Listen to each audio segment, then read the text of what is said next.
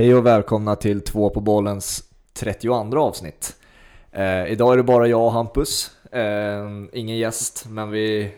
Det, sådana avsnitt behövs också tycker jag. Ja, som de flesta avsnitten kommer vara. Även om vi, eh, vi fortsätter jobba på gästavsnitt. Ja, såklart. det är på G. Eh, bakom kulisserna jobbas det för det också, så det kommer komma fler.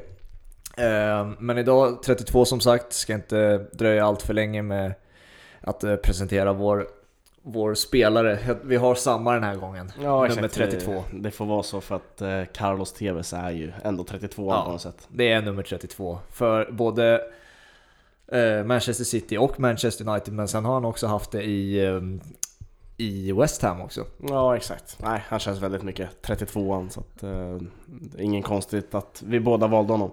Eller tänkte på honom inför Nej. det här avsnittet. Vad minns man som honom som spelare? Ja, det är väl att han har spelat i båda Manchesterklubbarna. Men det är liksom, det är en generation, alltså en, en av generationens bästa forwards i Premier League och han pratas inte på samma sätt som man, om man skulle nämna en Drogba till exempel. Trots att, trots att han har vunnit lika mycket Premier League-titlar som de flesta av de där forwardsarna. Ja, Tevez blir bortglömd rätt ofta. Eh, jag vet inte varför det är så riktigt, men det är inte en forward jag tänker heller på som Nej. en av de största i Nej. Premier League. Eh, han ryktades ju tillbaka till Premier League här nu i januari. Till Eh, United? Ja, till United. det blev Igalo istället liksom. Ja. Så att, eh, nej, det var ju pest eller kolera på det sättet. Det hade ju varit fint att se TVs i United. Ja, det har varit roligare med Tevez än Igalo. Ja, verkligen. jag vet inte, det är, det är en spelare som... Sen var han ju, han var ju liksom i Juventus efter Premier League-tiden och var stekhet i Juventus Ja, också. nej, alltså fantastisk karriär. Ja, och sen så... Han var ju en av de där klassiska eh, spelarna som gick till Kina från de där enormt höga summorna. Eh, där enormt hög, höga summan på lönekuvertet. Men eh, det roliga med det var ju att han lovade ju eh, media att han aldrig någonsin skulle till Kina eh, för pengarna. Och sen sex månader senare var han där. Ja. och nu har jag landat i Bocca och gör ju inte direkt stor succé där, vad jag har läst till mig. Nej. Eh, kanske bombar en månad sitter man här och ser dum ut, men eh, nej det verkar inte som det. Nej, men det är, det, det, är en, som en, det är en spelare som lätt kommer bli bortglömd och kommer säkert vara det in- inom ett eh, antal Ja, det finns alltså, så, här, så många större i Premier League som liksom, så många tänker på före honom. Ja. Och sen även inhemskt, alltså i Argentina Mm. finns det också extremt många fler Ja. som folk tar upp. Absolut. Så att, nej, han hamnar i skymundan, men eh, här hamnar han i centrum när det är Ja. 32 i alla fall. Exakt, här, eh, här boostar vi upp honom istället. Så. Carlos Tevez minns vi. Du, nu 32an så ska vi ju snacka eh, det som har varit aktuellt nu senaste eh, med Manchester City och deras haveri eh, rent föreningsmässigt. Och sen lite Barcelona och sen därefter ska vi summera helgen efter det. Yes. Eh, så välkomna till 32 så kör vi. Okej, till Manchester City först då. Eh, på alla hjärtans dag. De, Manchester City hade ingen bra alla hjärtans dag helt enkelt. Nej, ingen, in, inte speciellt kärleksfull i alla fall. Nej, på fredagen den 14 februari eh, så kom nyheten eh, att Uefa har beslutat att stänga av Manchester City från eh, Champions League eh, i två år, två säsonger. Och eh, de får även böta 30 miljoner pund. Eh, och eh, för de som inte vet riktigt vad som har skett, då ska jag nu dra igenom lite kort vad, vad det här är, vad det är som har hänt och vad det här innebär helt enkelt. Så det som, det som har hänt då är att Manchester City har brutit reglerna angående Financial Fair Play mellan åren 2012 och 2016. Financial Fair Play, det var ett regelverk som Uefa ins- inskaffade runt år 2014 om jag inte minns fel. Eh, på tre år har klubbarna inom Uefa ett ansvar att balansera inkomster och utgifter. Och om man inte lyckas eh, med det då så kommer en bestraffning som kan leda till kraftiga böter, som i det här fallet, och avstängningar i europeiska fotbollsturneringar. Eh, domen Manchester City har fått då är två års avstängning och från Champions League två års avstängning från Champions League och 30 miljoner pund i, i böter då. Och man, man vet ju att det här har för, alltså att det fuffens har försiggått i Manchester City. Ja exakt, det har varit uppe på tapeten ganska länge nu att de skulle bli avstängda från Champions League. Ja, Men det känns ju också som en klubb som Manchester City aldrig blir det. nej. Eh, Men nu har ju domen kommit och de är avstängda. Ja, alltså man, när Financial Fair Play kom, då kände man ju yes, härligt. Nu kommer Ja. de här storklubbarna med orimligt mycket pengar äntligen stoppas och det blir eh, hyfsat rimligt för allihopa att eh, kunna konkurrera om spelare på Ja. spelarmarknaden och sånt där.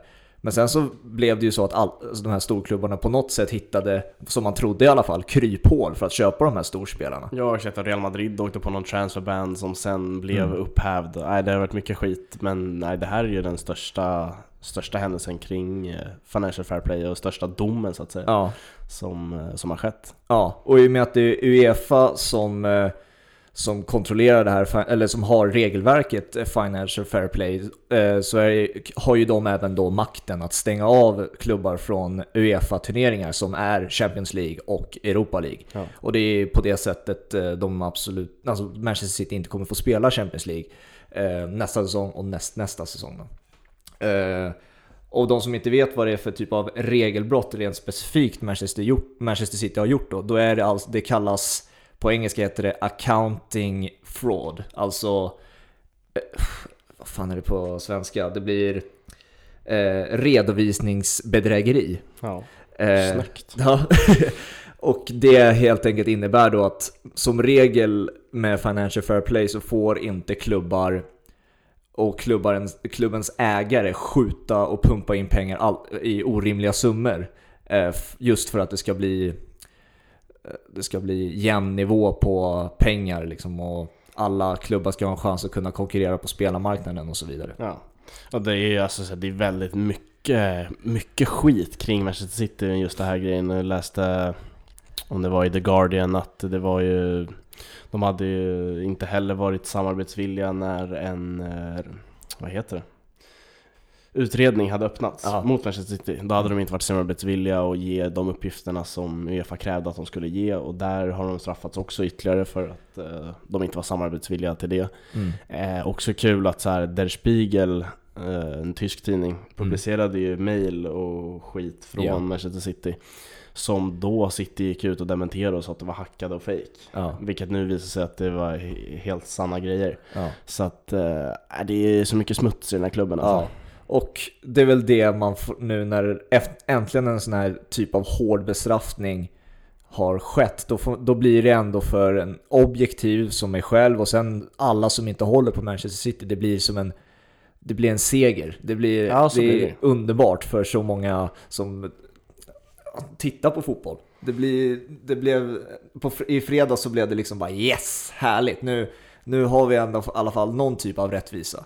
Ja framförallt, de tar ju det enda som betyder någonting för Manchester City just nu ifrån dem. Ja, absolut. Det är Champions League de ska vinna Ja. och nu har de bara det här året på sig och sen får de vänta två år. Mm. För visst, man ska brasklappa in att liksom, de kan säkert överklaga det här och få igenom det på något jävla vänster. Mm. Men det känns som att det här kommer stå sig. Ja. Eh, Det är min känsla i alla fall. Alltså det Manchester och det, det är ändå det vi får utgå ifrån. Sitta Ja. och hålla på och gissa om de tar sig ur eller inte. Det Nej. blir bara plojigt liksom. Så när vi spelar in det här, det, som sagt, jag har gått nu nästan tre dygn sedan eh, det här kom ut då. Och det, alltså från, för varenda timme vi, som går så kommer ju nya uppgifter och sånt där. Så Ja. att, eh, säkert någon ändring kommer ske eh, inom kort och ny information, information kommer att komma. Men alltså, det man vet nu är det att Manchester City kommer överklaga till den sportsliga domstolen CAS, tror jag den heter. Mm. CAS.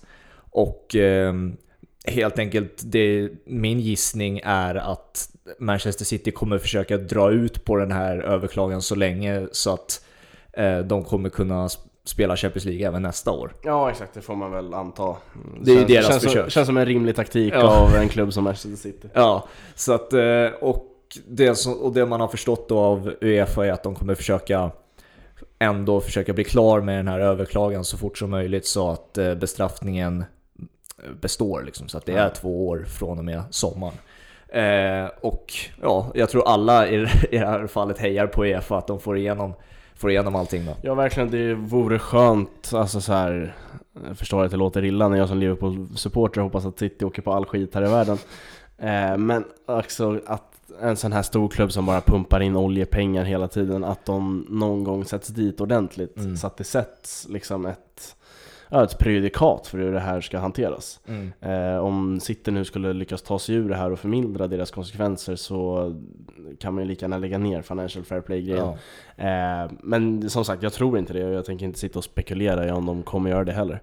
Eh, sen fattar jag inte grejen vad, vad grejen är med typ så Fifa-presidenter. Eh, läst till mig att eh, Gianni Infantino hade också ett finger med i spelet. Han hade det? Han har ju hjälpt till att dölja, dölja siffror och Alltså så här, ja vad fan är grejen liksom? Ja, det är ju någonting med pengar och Fifa-presidenter. Det är ingen bra kombo. Ja verkligen, jag fattar att det är mycket pengar och, ja, men det är ju bara giriga jävla idioter som sitter, som sitter i den där stolen Ja. nu senare tid.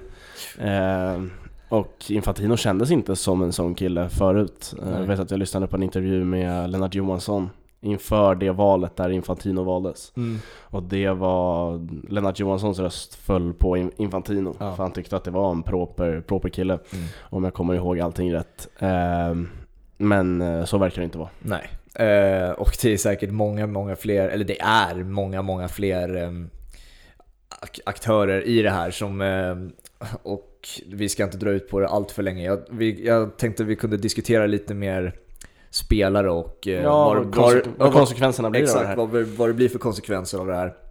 Eh, jag tycker det var roligt, det är ju Förra veckan då så släpper ju Sky Sports en intervju med Pep Guardiola där han säger att allt jag vill vinna just nu är Champions League, det hade varit Ja. så härligt och så. Och så Uefa med ett långfinger kommer ut med den här domen. Verkligen en Eh, riktig jävla käft men... Så var, och under dagen nu som vi spelar in den här måndagen eh, så har, har det blivit klart att Pep kommer stanna, säger han i alla fall, oavsett vad domen kommer bli. Om de kommer om de är i Champions Ja, League eller inte. Eller, Det tror jag är ren jävla skitsnack. du tror det? Eh, Men det är väl också för att de, Manchester City har ju säkert en plan för hur de ska spela Champions League nästa år. Ja. Och en del av den planen är ju att Pep Guardiola säger att han ska stanna oavsett. Mm. Alltså så här, det sätter ju någon sorts press på Uefa typ. ja.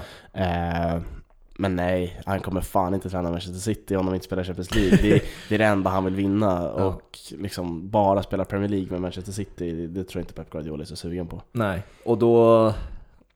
Vad, vad säger det om eh, Pep Guardiola då? Att om han skulle lämna Manchester City under den här perioden där, ja, Manchester Citys nutida svåraste period. Vad, skulle det säga någonting om personen Pep Guardiola? Är det mer en, en eh, vad säger man, en, en som strävar efter troféer och Champions League och att man ser det som en bra sak eller är det lite svinigt gjort? Förstår du vad jag menar? Ja, absolut. Hur ska, man, hur ska man se det? Jag vet ju att eh, en sån som typ Juicy som är känd i eh, Arsenal-sammanhang och även en del brittiska fotbollsprogram Ja. eh, sådär. Han håller ju Pep Guardiola som världens mest överskattade fotbollsledare så. Mm. Just på grund av de här grejerna att han, han tränar bara de bästa lagen. Ja. Han har alltid två miljarder Mm. att eh, handla för. Mm. Eh, Lite där är jag också. Ja exakt, ja. Ehm, och skulle han, skulle han stanna med City så säger han väl, alltså så han ändå motbevisar lite Mm. eh, I och med att då- får han ingen Champions League, då kan de inte locka till sig de allra bästa spelarna eh, Och jag kan tänka mig att de kommer bli noggrannare med siffrorna Ja. och därmed inte handla för så mycket Nej.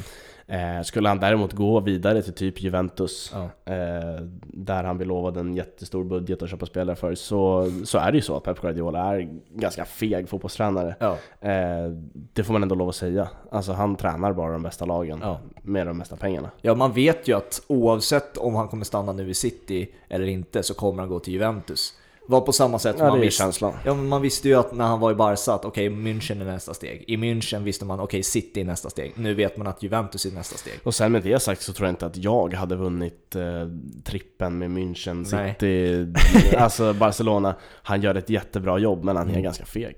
Ja, alltså det finns... Det, jag tror många missförstår det, att de två sakerna kan gå hand i hand Ja. ändå liksom. Ehm, vad var det jag skulle fråga nu? Det var spelare då. Ja, spelartruppen. Alltså det ryktas ju nu om att om City då inte spelar Champions League de närmaste två åren så kommer man då förlora alla de här Champions League-pengarna som är ganska många, ett miljonregn av bonusar. Ja, det är mycket pengar även för stora klubbar som har redan Ja, mycket pengar. så att det kommer ju leda till då att, eh, att inkomsten kommer eh, som sagt att inte balanseras tillräckligt mycket så att utgifterna blir för mycket, att man måste exakt. därför göra sig av med spelare. Eh, och väldigt, väldigt dyra spelare då helt enkelt måste bli av med. Eh, Ja, exakt. Jag tror att dels ekonomin som du är inne på men också dragningskraften att eh, få spela Champions League Mm, kommer leda till att vissa spelare flyttar. mm. För att man ska komma ihåg att en fotbollskarriär är ganska kortlivad. Ja. Eh, och Kevin De Bruyne tror jag inte är asugen på att stå och vänta i två år på att spela Nej. Champions League-fotboll. För att det är en väldigt stor del av en fotbollskarriär att få vara med i de största matcherna, Mm. eh, största troféerna. Eh, Så att dels det ekonomiska men också dragningskraften eh, till andra klubbar Ja. som faktiskt spelar i Champions League. Ja men Kevin De Bruyne han är ju 29 år gammal nu. Ja. Eh, ju- Han bara vill spela Champions League. Liksom. Ja, och han är i sin prime, han kommer fortsätta vara det de närmaste två åren. Det här är liksom de åren man kommer se antagligen det bästa av Kevin De Bruyne. Så man jämför med till exempel Raheem Sterling, han är 26. Tekniskt sett så skulle hans karriär klara av två år utan Ja. Champions League. Verkligen. De Bruyne är inte riktigt samma grej. Agüero inte riktigt samma Nej. grej. Det beror på vem man pratar med, äh, pratar om här och då är det då bara på rak arm så här, vi har inte täckt igenom eh, de- de här spelarna, men vilka ska bort i sommar då? Realistiskt sett. Ja, framförallt är det väl Agüero och De Bruyne man tänker på direkt. Mm. Eh, det är ju också de spelarna som är alldeles för bra för att inte, inte spela Champions League. Eh, alltså typ, det är ju bara Aymeric Laporte i den där backlinjen Ja. som verkligen är på den nivån att de så behöver flytta för att få spela Champions League. Ja. Eh, resten av, alltså så Otamendi, om han spelar bara Premier League och var utan Europa-fotboll ett tag eh, det, det spelar ingen roll för att han inte är tillräckligt bra ändå för Nej. att vinna Champions League egentligen. Egentligen. Nu kanske han gör det den här säsongen. Eh, nej men De Bruyne Agüero, de jag tänker på direkt. Mm. Eh, självklart så tror jag inte Bernardo Silva är skitsugen på att vänta. Nej. Eh, Riyad Mahrez, hur sugen är han? Mm. Eh, Joao Cancelo, Mm. så gick han inte alls varit bra i år men han gick ändå till City. Ja, av en anledning. Ja, exakt. Så att eh, jag tror det är många spelare som sitter i nu i dagens läge och funderar på vad, vad de ska göra. Ja, och nu när jag håller på att tänka, de- alla de där spelarna nästan du nämnde är ju alltså investeringen av Pep Guardiola. Ja, Och det är så här, nu som jag sa eh, när jag drog igenom när det här regelbrottet skedde, det var ju mellan 2012 och 2016. Och då har ju City köpt otroligt mycket fotbollsspelare för otroligt mycket pengar. Men jag, bara, jag kollade igenom här, eh, idag, under de här tre eh, säsongerna, nu är det tre och en halv, men tre säsongerna Pep har varit i, i eh, City så har han ju köpt 14 spelare för nästan 6 miljarder. ja. Alltså de, de här brotten har ju skett nu också. Det är Ja, inte bara mellan 2012 och 2016. Så det här, det, man, man visste ju att det här, var ju, det här höll ju på. Och liksom, de kan ju mycket väl bli bestraffade för även de här tre åren som har skett nu. Och det, alltså, om det skulle komma fram då också, då är det ju liksom... Här, då, då är det ju att de kan bli nedflyttade till League- League 2. Ta, ja exakt, det är mycket sånt skit också som florerar nu att de ska ner till League 2 och bli av med titlar och sånt. ja. Eh, det tror jag inte kommer ske överhuvudtaget just nu, men eh, som du säger, skulle det komma fram ännu mer skit och ännu Ja. mer skit Ja absolut, då, och liksom FA och Uefa det är inga Det är inga snälla instanser så, på Nej. det sättet Nej, de, de, ska ju, de tar ju en av klubbjättarna nu i Europa och Ja. de ska ju verkligen sätta dit dem på plats Exakt. för att visa för alla andra klubbar också att mm, alltså, följ reglerna annars sker Ja. det här. Alltså, jag kommer ju på att tänka på de andra två som har, det här har hänt, att de har blivit nedflytt, storklubbar som har blivit nedflyttade till de lägre divisionerna. Det är ju Leeds, det är ju Ja. mm, Juventus, Glasgow Rangers ja, eh, Parma. Ja. Alltså är, och man kan ju ändå säga att alla de klubbarna har ju klarat sig nu i efterhand, men det tar, det tar några år liksom, att repa sig. Leeds är ju fortfarande inte tillbaka i Premier League men eh, absolut de andra tre klubbarna som vi nämnde, de är ändå tillbaka i högsta ligan men ja, det, det tar ett tag att komma tillbaka Eh, så att nej, det här är en jättenyhet och extremt intressant att se hur, hur det här kommer fortlöpa närmsta månaderna och närmsta åren också. Ja. Ehm, så att nej, kul att det, kul att det händer någonting. Det är det. Eh, och just en sån här nyhet är inte skittråkig. Alltså så här, förstår alla City-fans eh, att det är svintrist men Ja. man har ju längtat tills att en jätte skulle åka dit. Ja, alltså jag, det är väl nästa ehm, gäst man också ska jaga, ett City-fan och fråga om det, hur de ser Ja, på det här. exakt För det är väl intressant att se hur City-fans reagerar på det här på det sättet om att man tycker fy fan vad slarvigt av ägarna och allt det här, bara att vi, vi borde ha tagit större ansvar, eller att de bara ja, Uefa är emot oss, det här är en agenda mot oss och sånt där. Ja, jag tänkte på det när jag var på väg hit eh, till studion när vi spelade in, att här, alla liksom så här, som blir kallade bandwagons eh, hela tiden. Ja, Eh, liksom, ja, stå kvar nu med, med ert city och så blir det ändå lite upprättelse även för dem. ja, Eh, även om alltså, City kommer inte åka ner till League 2 imorgon.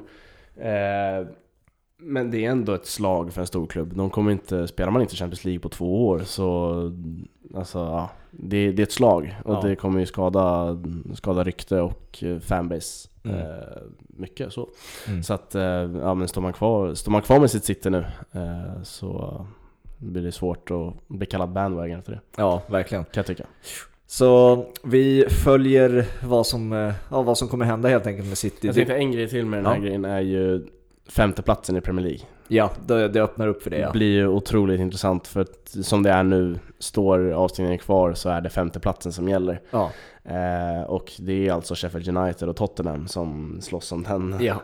eh, allra närmast just nu. Och ja, Sheffield United har ju en realistisk chans att gå till eh, Champions League. Ja. Eh, Det måste man vara ärlig med, de vinner ju mest hela tiden. Ja, alltså, ja, för de som inte förstår vad vi menar. Det är ju liksom, i och med att City tillhör topp 4, som det är de första fyra positionerna i Premier League, de tar sig till Champions League. Men i och med att nu räknas inte tvåan som City är, då kommer alltså femte plats även räknas som en Champions League-plats. Ja.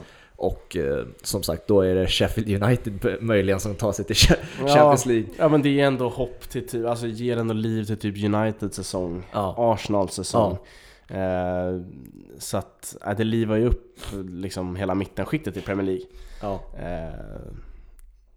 Det blir, vi tar eh, eh, de matcherna alldeles strax. Vi ska gå över till eh, Barcelona nu. Vi, och så såklart, vi följer Manchester City och hur det här, hur det här eh, urartar. Vi kom, det kommer säkert hända, ske fler turer i, Ja, inom snar framtid. Absolut. Men till Barcelona då.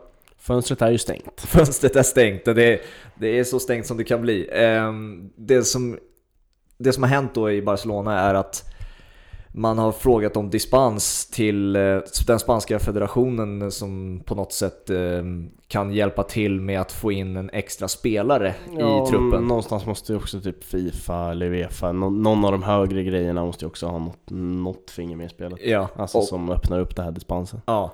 Det som eh, de har frågat dispens över då är att få in en extra spelare i truppen och de ber om det av anledning till att eh, Osama Dembele har skadat sig häromveckan och blir borta i sex månader. Skittrist för honom, han missar ju Ja, EM verkligen. bland annat. Ehm, men det här är ju en regel som ingen verkar det som visste fanns. Eh, verkar, och också diskuteras som att det verkar heller inte finnas. Men den här dispensen verkar ändå Barcelona få och de ska få värva in en spelare. Eh, trots att eh, eh, transferfönstret är stängt. Och eh, ja, det, är otro, Det- det är helt otroligt att Barcelona ska få in en extra spelare när ingen annan lag kan få in en spelare. Det rapporteras ju bara för några timmar sedan, eh, spelar in det på eftermiddagen måndag, eh, att eh, Alltså som du säger, de, de har fått dispens och de kommer få värva en spelare. Mm. Eh, vilket är helt sjukt. Alltså så här, en regel som alla visste fanns, det var att fönstret stängde Ja. si- sista januari. Ja. Det visste alla, det visste Barcelona också. och de visste också att Ousmane Dembélé är skadedrabbad. Mm. Och sen bara, ah nej, han blev borta i sex månader. Visst, jättetrist för honom, jättetrist för Barcelona. Men du kan ju inte få värva en spelare, jag fattar absolut Nej. ingenting. Alltså det är, det är Som helt du, sjukt. Som du säger, man visste att Luis Suarez och Osama Dembele var skadade under januarifönstret. Man Ja. visste nästan, var det innan januarifönstret att Suarez skadade sig? Ja. Man hade i alla alltså i princip en hel månad på sig att, Exakt. att eh, plocka in en spelare. Väljer att inte göra det och samtidigt låna ut två stycken forwards till. Eh, Carles Perez eh, till Roma Ja, exakt. och Alanya till eh, vad Ja, var till. Eh, Betis. Betis ja. Eh, och då blir det Griezmann, Messi och Ansu Fati som är 17, eller Exakt. 18 vad fan han är. De tre är, är nu kvar. Och liksom nu vill man då plocka in en till spelare. Men nu kommer man på att, oh jävlar, fönstret stängde. Ja, det- alltså det är, det är så jävla dåligt skött och ja, nu får de ju, ju få in en spelare ändå så att i slutändan blir det väl inte så dåligt skött. Mm. Men samtidigt så här, hade det här hänt en klubb som tar en klubb på måfå, typ Fulham. Ja, De hade aldrig fått värva en spelare till och då hade alla ifrågasatt vad i helvete håller den sportsliga ledningen på med? ja, så att, och den frågan ställer jag mig även fast de får dispens. Ja. Vad, pysslar de med? ja men det är Barcelona? ingen som luras av det här. Alla vet ju att det här är dåligt skött av Barcelona och att de är favoritiserade av Uefa, som jag har varit inne på mycket i den här podden. Det här, det- det bara återbevisas. Det är bara storklubbar som kan få till det här dispenset. Ja. Ehm, nej, det är ju så märkligt. Också som du säger, man lånar ut Carles Perez. Ja men sluta håll på och överdriva jävla bra er akademier då. Ja. Plocka upp en 16-åring. Ja, det tänkte jag också. Plocka upp en någon 18-åring. Ja. Det är säkert svinbra. Ja, de skryter La Masia är ju världens bästa akademi. Enligt Vad själva i alla fall. kryllar av storstjärnor där. de, de skryter om deras akademi år ut och år in, men det verkar ändå inte vara möjligt att de kan plocka in en forward därifrån. Nej, så Ehm. de har Ansu Fati, men plocka upp en till då. Fan, Ja, Ansu Fati, Ansu Fati var typ yngst också. Ja. Men sen, det skummaste också att jag skulle kunna förstå det mer om de hade så här 10-15 skador. Ja. De har två. Ja.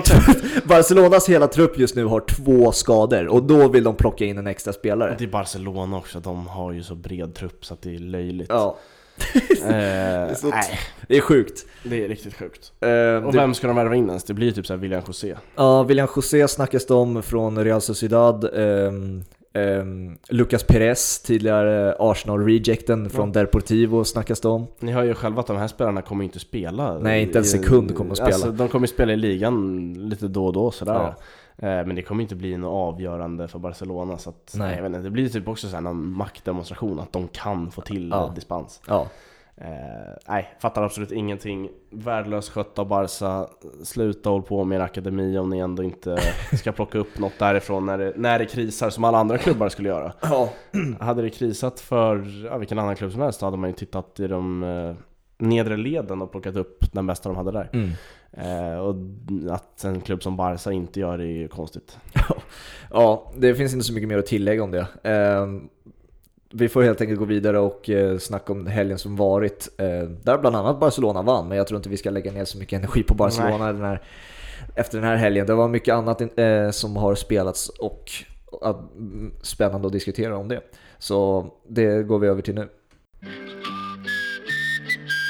Ja, i och med att vi spelar in det här på måndag eftermiddag så ska vi, har vi en match framför oss, en väldigt intressant match. Eh, Chelsea tar emot Manchester United ikväll eh, och ja, därför kan vi inte prata om den. Nej, exakt. Nej, Den, den, har vi framför, den har vi framför oss, eh, så därför kommer vi gå tillbaka det som har spelats i helgen som sagt. Eh, och ja, vilken match sticker ut för dig eller vad vill du prata om från Ja, men jag kan, helgen som jag varit? kan ju börja med att säga att det, det är klart nu. Vi ska inte hålla på och hymla. Yes! Liverpool, kommer topp 4. Fan det här... Topp ja, 4 kommer vi, det gör vi. Det känns jävligt skönt att konstatera. Det blir Champions League. Ja vad du... Fan, jag trodde, jag trodde att avsnitt 32 hade... Det var nu han erkände att Liverpool har vunnit ligan. Nej, topp 4 var det. Nej, det var, det var bara det jag ville säga. Att eh, topp 4. För nu är det matematiskt eh, klart va? Nej jag vet inte, men eh, det, det kan man ju fan inte jinxa bort. Nej. Topp top 4. Nej, Det kommer vi. Ma- För jag tror, jag tror det var någon, eh, något eh, sorgligt United-fan som la ut att ah, nu är det matematiskt eh, omöjligt att ta sig förbi Liverpool. Ehm, ja, det, men eh, snart så, så kanske du erkänner att Liverpool har vunnit ligan. Ja. Ehm, Nej annars var mitt, eh, det jag tar med mig av helgen var La, Lazio Inter eh, Ja. och den italienska fotbollen Mm. som jag tycker ja, skiner mer än någonsin för min, för min del, personliga del. Eh, och eh, jag vet fan, jag hejar på Lazio nu. Alltså, de, jag vill att de ska ta hem hela skiten. Jag såg det att du, Pippo Inzaghi, nej, Ah, Simone Inzaghi, Simone Inzaghi. här, här är fan min idol. ja din idol ja. Eh, han lyckas ju få sitt lag också att kliva fram i de här stora matcherna. Mm. Eh, De har ruggigt bra hemma mot Juventus. Eh, De slår Inter hemma här. Och ta, alltså så här, det är inget lag som bara vinner mot de sämre lagen och sen harvar lite mot de bättre, utan Lazio är ju verkligen att räkna med just nu.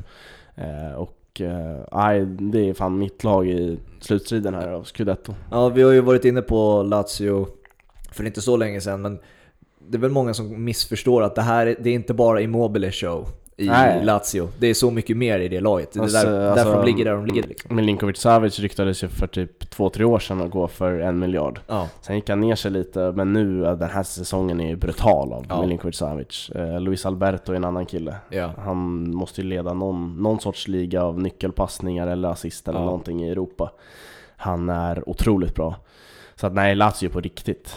Mm. Eh, och de, alltså de ska man, har man chansen att få se en match med alltså Lazio, jag vet att alla kollar inte lika mycket fotboll som oss. Nej. Eh, så då ska man fan välja att se, se Lazio om man ska titta italiensk fotboll Ja. någon helg. När jag tänker på Luis Alberto, var en spelare som eh, har kunnat stanna kvar i sin, i sin förra klubb i Liverpool och gjort det bra, kanske. Ja, samtidigt så känns det som vissa spelare behöver det här miljöombytet för att hitta rätt liksom. Ja. Eh, Luis Alberto, jag kunde inte drömma om att han skulle bli så här bra liksom. Eh, så att nej, jag tror att man, jag, man ska inte gräma sig allt för mycket över en sån miss i Liverpool typ. Framförallt inte med tanke på vart de är nu.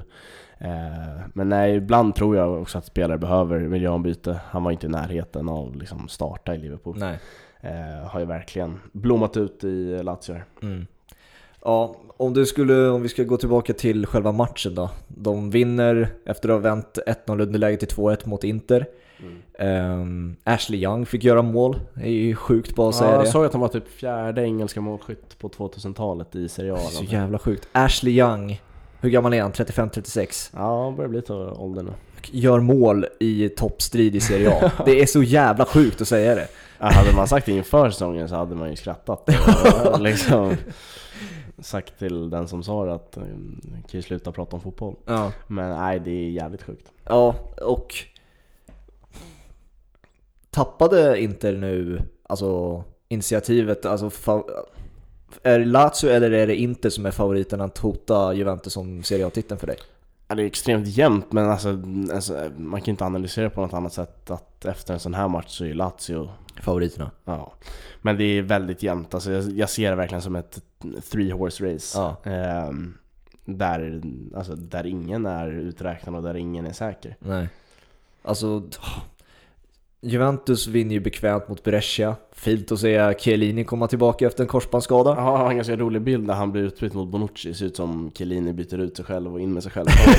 De var väldigt lika på den Ja, bilden.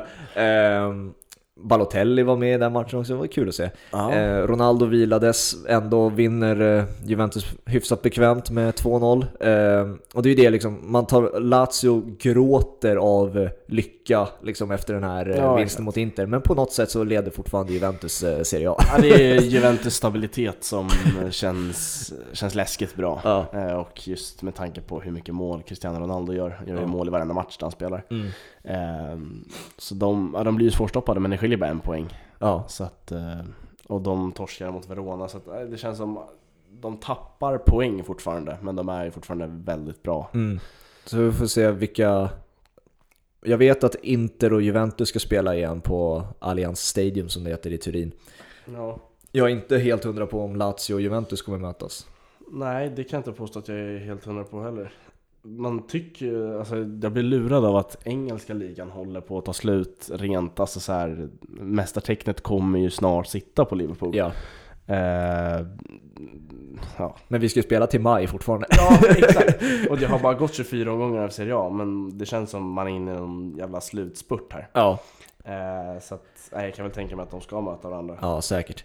Ehm, jag vill eh, diskutera, om vi lämnar Serie A lite, uh, vill diskutera en, ett lag som jag personligen älskar att titta på numera. Eh, och det är Arsenal.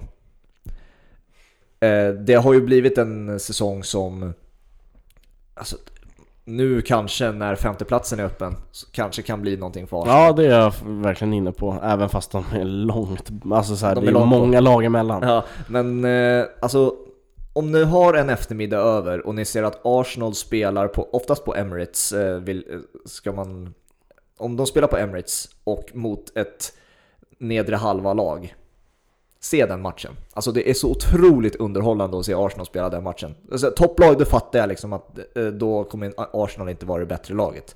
Eh, men alltså så som de spelade nu mot Newcastle, de vann med 4-0.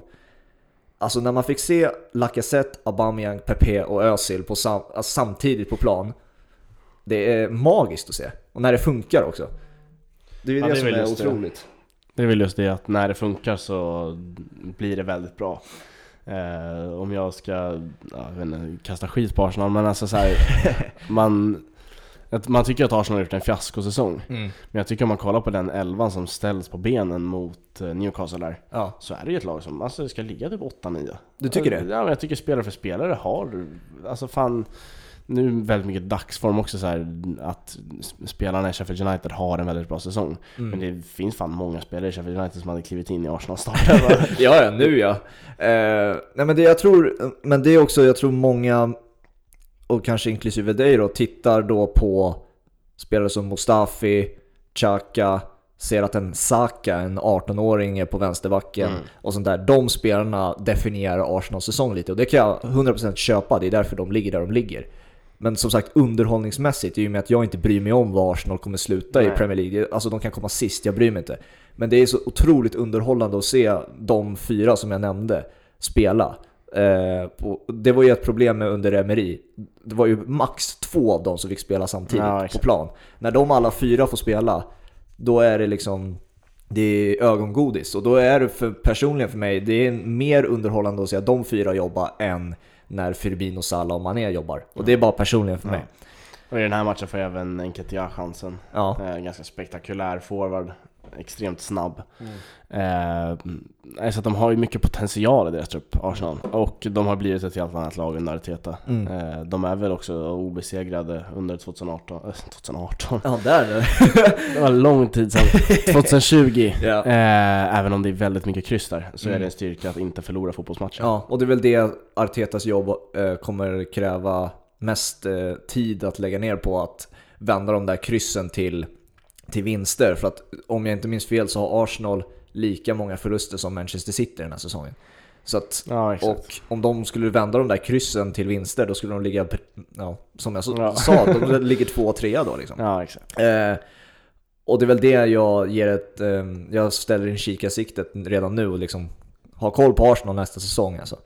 Det, där kan vi snacka en, eh, en eh, intensiv spurt mot eh, en topp tre personligen, känner jag. Mm. För jag, tro, jag trodde att det var den här säsongen. Men av många olika anledningar så har det blivit en mittensäsong för dem. Men vi vet ju vad, vad de, många av de där spelarna är kapabla till att göra. Ja, jag tror ju tyvärr att det krävs för mycket, för mycket nya spelare in eh, och för mycket som måste ut ur den här truppen. Det är så mycket, mycket Ja. dödkött. Även om de såg väldigt bra ut mot Newcastle, om man har det färskt i minnet, Mm. så, uh, så är det svårt att se att den här truppen kommer topp tre. Men ja, ett sommarfönster, vem vet? Ja. Eh, Det är väl bara det att Arsenal inte är den klubben som är känd för att spendera mest pengar. Nej, det är väl... eh, Med det sagt så var det en väldigt bra sommar de hade. Ja men var det verkligen det då?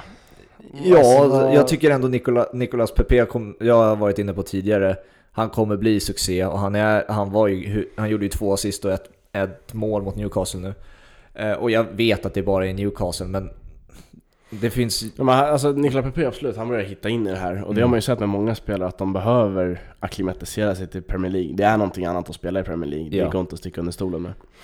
Men jag tänker typ en sån spelare som David Luiz, Mm, tillför ju in, absolut ingenting. nej, men det är liksom vad man bygger i så fall runt honom. Och det är väl det Ja, jag har varit inne på.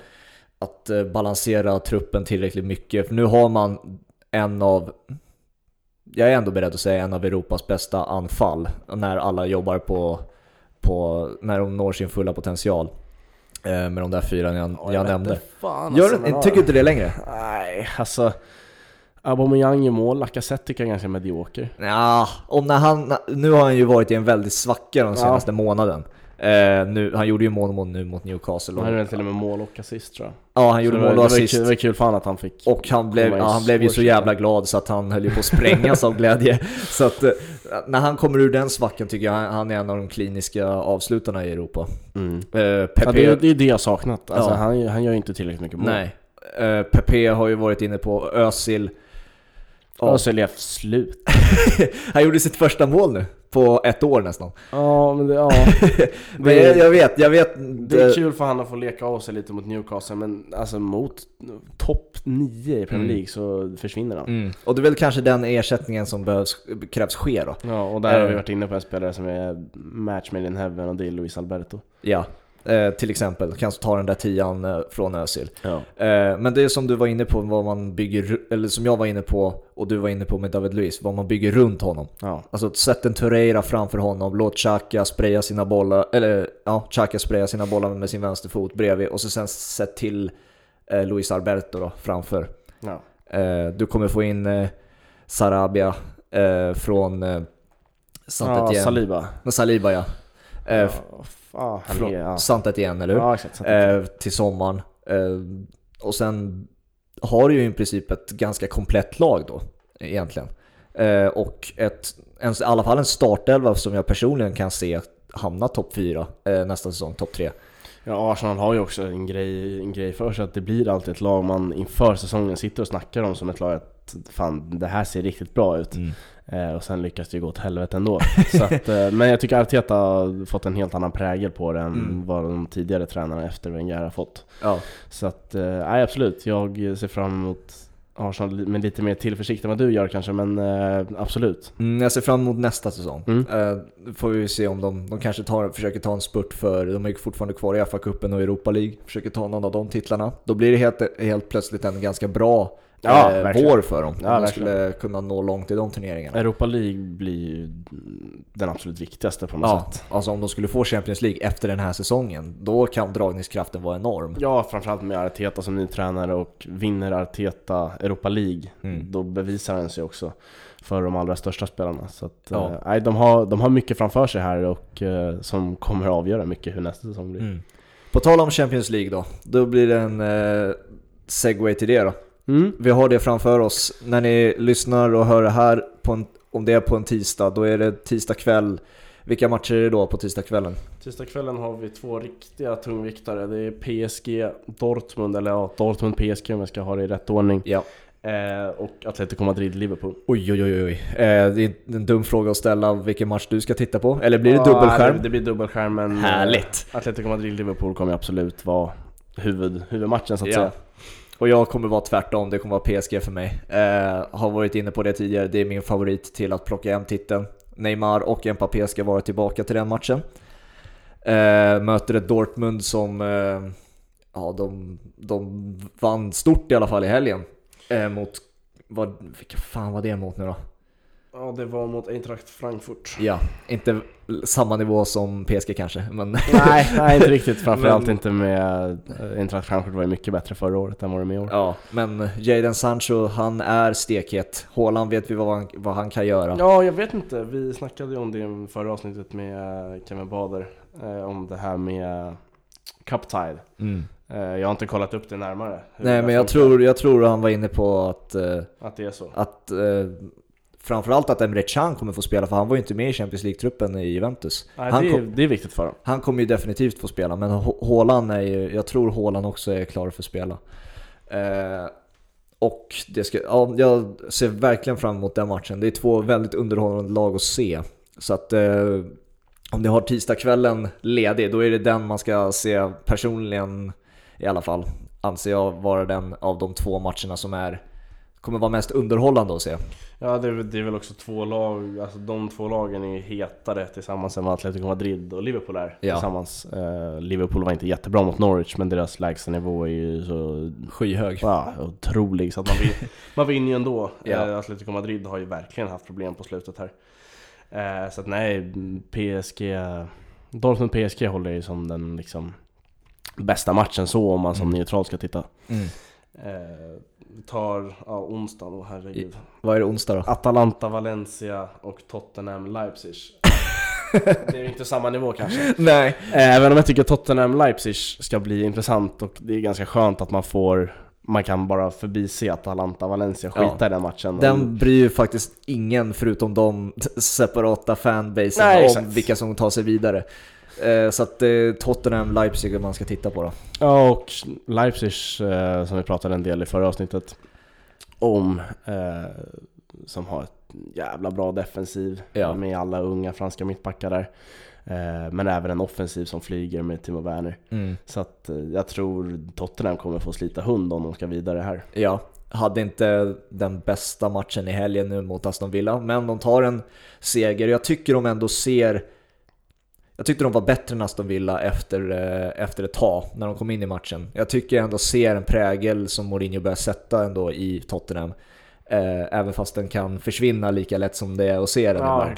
Ehm, men jag tycker att eh, utan Harry Kane, det var precis samma sak i förra säsongen, utan Harry Kane blir Tottenham lite mer flexibelt när det kommer till hur man angriper en match och det är mer rörlighet och det är mer fantasi.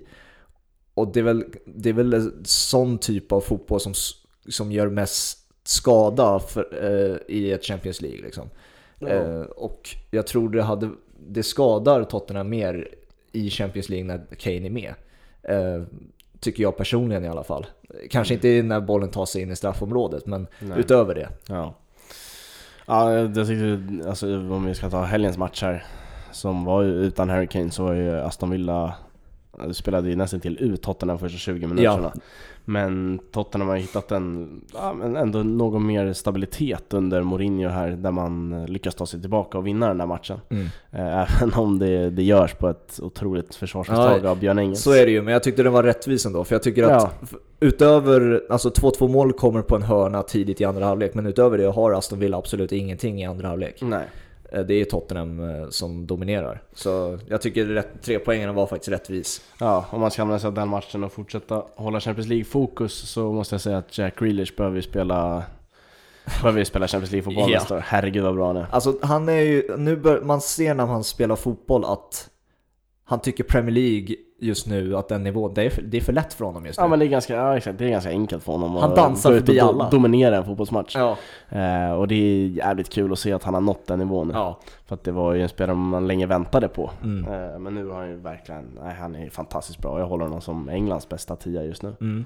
Vem, så du hade plockat honom för eh, en Madison? Ja, För att det är ju det som ryktas nu, vem ska man ta av de här tiorna? exakt. Är det Madison eller Grealish? Och jag såg någon på Twitter för någon, tre veckor sedan kan det vara, som skrattade åt någon polare som hade sagt att uh, Grealish var bättre än Madison. Ja, Nej, det, är så här, det är inget att skratta åt, det är ren, ren fakta. just nu är det det. Att uh, Grealish är bättre än Madison. Mm. Eh, ja, det, det blir en diskussion att ha sen var han ska placeras någonstans då. För det känns ju som att alla de här engelsmännen som ryktas till United, alla som rådgiver de spelarna säger nej, inte till den klubben kanske. Nej. Gå till någon annan klubb. Nej. Men om vi ska, vi kanske bara kör de här fyra matcherna i och med att vi ska spela in ett, vi spelar in avsnitt nästa vecka också. Ja. Så kan vi ta de andra fyra som spelas eh, den veckan. ja. Men vilka håller du som favoriter då i, i dubbelmötet, inte bara den här matchen? Eh, alla, om vi drar allihopa. Ja, Dortmund-PSG. Eh, PSG tar sig vidare därifrån. Sen, Ja, det måste jag hålla med om. Och sen eh, så hade vi då Liverpool-Atletico. Eh, jag tycker att Liverpool kan ha svårt, eh, jag tror alla lag har svårt för Atletico Madrid. Eh, speciellt när det handlar om två möten för att Ja, det handlar om ett mål hit och dit för Atletico Madrid och sen är det bara stänga igen i Exakt. 200 minuter. Det har de inga problem med att Nej. göra. Eh, Men med det sagt tror jag ändå att Liverpool är för starka för något lag för tillfället, för vilket lag som helst, så därför tar de sig vidare. Ehm, Och sen så då, jag tror ändå Tottenham tar sig vidare mot Leipzig, men med uddamålet. Alltså Ja. det kommer vara väldigt, väldigt jämnt. Sen så Valencia-Atalanta, ja det får väl bli Valencia då. ja jag håller absolut PSG som favorit i match mot Dortmund. Även om jag, alltså, jag har inga problem att se att Dortmund hotar PSG. Nej. Eh, Det ska bli en väldigt intressant match. Eh, Sen tror jag hatar att tippa på mitt eget lag, men jag, må- alltså, så här, jag kan inte vara dum. Jag måste ändå se, se Liverpools styrkor just nu, vilket är många. Ja. Eh, och i väldigt stor utbredd, utbredd, jag vet inte ens vad jag pratar om. eh, I väldigt stor utsträckning, alltså de är otroligt bra just nu. ja. Så att, eh, nej, de ska ta sig vidare därifrån. Sen Atalanta-Valencia, ja, det säger vi Atalanta då. Alltså, så här, det, Mm. det är lite 50-50 där. Mm. De har ju Eh. kommit igång i Serie A nu. Ja, gör ju otroligt mycket mål. Ja. Ehm, så att, ja, det blir, väl det som blir avgörande, att de smäller in för mycket mål. Brukar, Ja. brukar vara det som vinner matcher. Fan, det har du rätt i ja, alltså. det brukar vara så. Eh, och sen tror jag faktiskt Leipzig eh, slår ut Tottenham. Okej. För att jag tycker de... Eh, jag tror också Nagelsmann, ah, han tar den mot Mourinho. Du tror på Kevins eh, tips där att det Ja. blir en dark horse i Champions League? Ja men, ja absolut.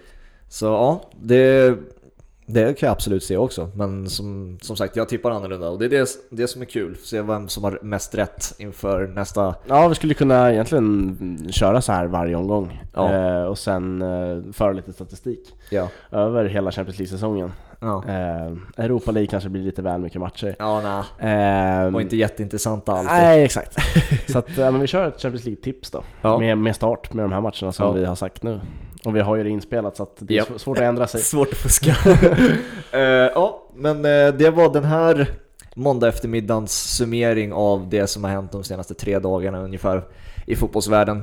Eh, och vi är tillbaka nästa vecka igen. Ja.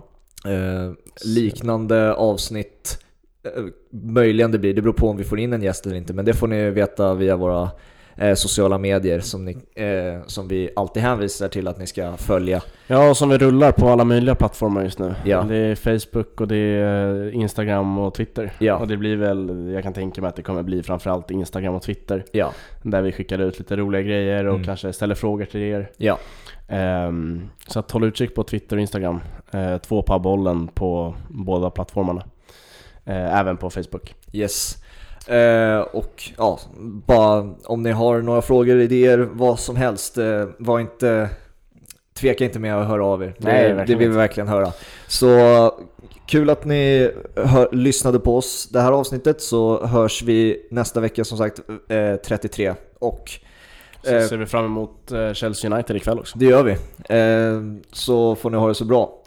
Ciao. Ciao. Ciao.